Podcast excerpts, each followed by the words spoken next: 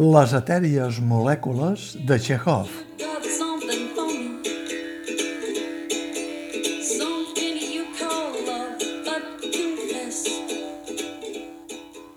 L'esté de teatre s'estan despentinant, més del que altres vegades ja han fet.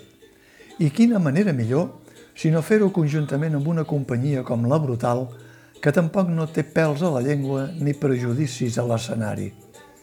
El resultat és la importació en exclusiva aquí de l'obra Vanya en Sonia Masha and Spike, Premi Tony del 2013, del dramaturg nord-americà Christopher Durang. Gràcies a la traducció de Cristina Genevat, impecable, una barreja de comèdia, tragicomèdia, conte de fades i gènere fantàstic que han optat per fer més accessible als espectadors locals amb el títol La meravellosa família Harwick. Família, sí, meravellosa, no tant.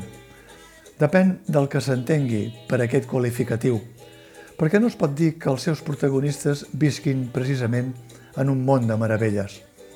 L'obra s'emmiralla esclant l'atmosfera del paisatge literari d'Anton Chekhov i alguns dels seus personatges extrets de les seves obres més conegudes. Hi ha en Vània, el de l'oncle, però aquest sortit de l'armari. Hi ha la Maixa, la germana forastera amb elegant barret de gran estrella. Hi ha la Sònia, la modèstia, a vegades irritant, al servei dels de casa. Són les dues germanes de Vània i hi ha una dona de la neteja amb aires argentins i poders de fatillera que es diu Cassandra. I acaba apareixent un amistensat de Sasha, molt més jove que ella, a qui anomenen Spike, model de passarel·la amb calçotets, i una veïna postadolescent amb aspiracions d'actriu que es diu Nine. Amistat fugaç, de piscina. I ja hi són tots. Es pot parlar de Chekhov o no. Vull dir que l'autor Christopher Durang s'hi empara i els noms dels principals protagonistes t'hi porten, així com la constant referència a un hort de cirerers, més reduït del que ens pinta el clàssic, i les intencions de perdre la casa, on Vània i Sònia han viscut tota la vida tenint cura dels pares i del manteniment de la hisenda, mentre reben els diners de Maixa, que ha fet carrera d'actriu de segona fila, al costat d'alguns noms de l'Star System cinematogràfic. Però també podria ser que es prescindís d'aquestes referències i la història de la família s'aguantaria igualment per la seva intemporalitat. El muntatge que ha dirigit David Selves amaga un rerefons fins i tot conscienciador i actual, el de l'actual tristament famós canvi climàtic. És el recurs que l'autor fa servir per donar un gir de la trama quan els espectadors estan immersos en un ambient amb tendència a l'humor. La tragicomèdia, però, no s'abandona en cap moment, centrada en cadascuna de les tragicomèdies de cadascun dels personatges. Hi ha dues escenes, durant l'hora i tres quarts del muntatge, que marquen un punt i a part. La del plor forçat a cor que vols de Sasha i Sònia i la del discurs sobre la nostàlgia del passat del germà Vània. Dos moments que no necessiten gaires paraules més.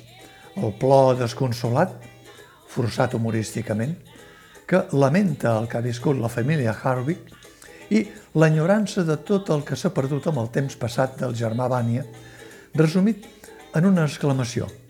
Abans llapàvem els correus, sí, llapàvem els segells i els sobres de les cartes que enviàvem. És aquest últim un moment de contrast entre el passat pausant i lent i el present, que permet escoltar una lectura dramatitzada de la primera obra teatral de Vània i a la vegada, per part del jove mistensat de Saixa, respondre un WhatsApp. És a dir, el mateix que els espectadors viuen sovint a la platea, estar veient una obra de teatre en viu i haver de suportar algun dels conveïns de butaca encenent el mòbil i fins i tot, malgrat tenir-lo en silenci, il·luminar la foscor i navegar per entre les banalitats del seu compte d'Instagram. Arran de la meravellosa família Harwick s'han fet xocants unes imatges dels intèrprets disfressats de la Blanca Neu, un dels set nenets, la madrastra, la fada de la vareta màgica, Una lectura subtil, en clau simbòlica, del galdós o trist paper que li ha tocat jugar la vida a cadascun dels personatges del Hardwick.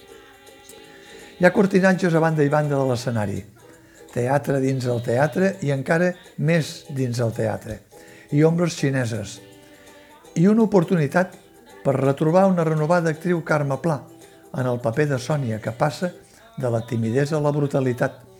I una exultant Marta Pérez en el paper de Maixa que acaba movent en tots els fils de la trama.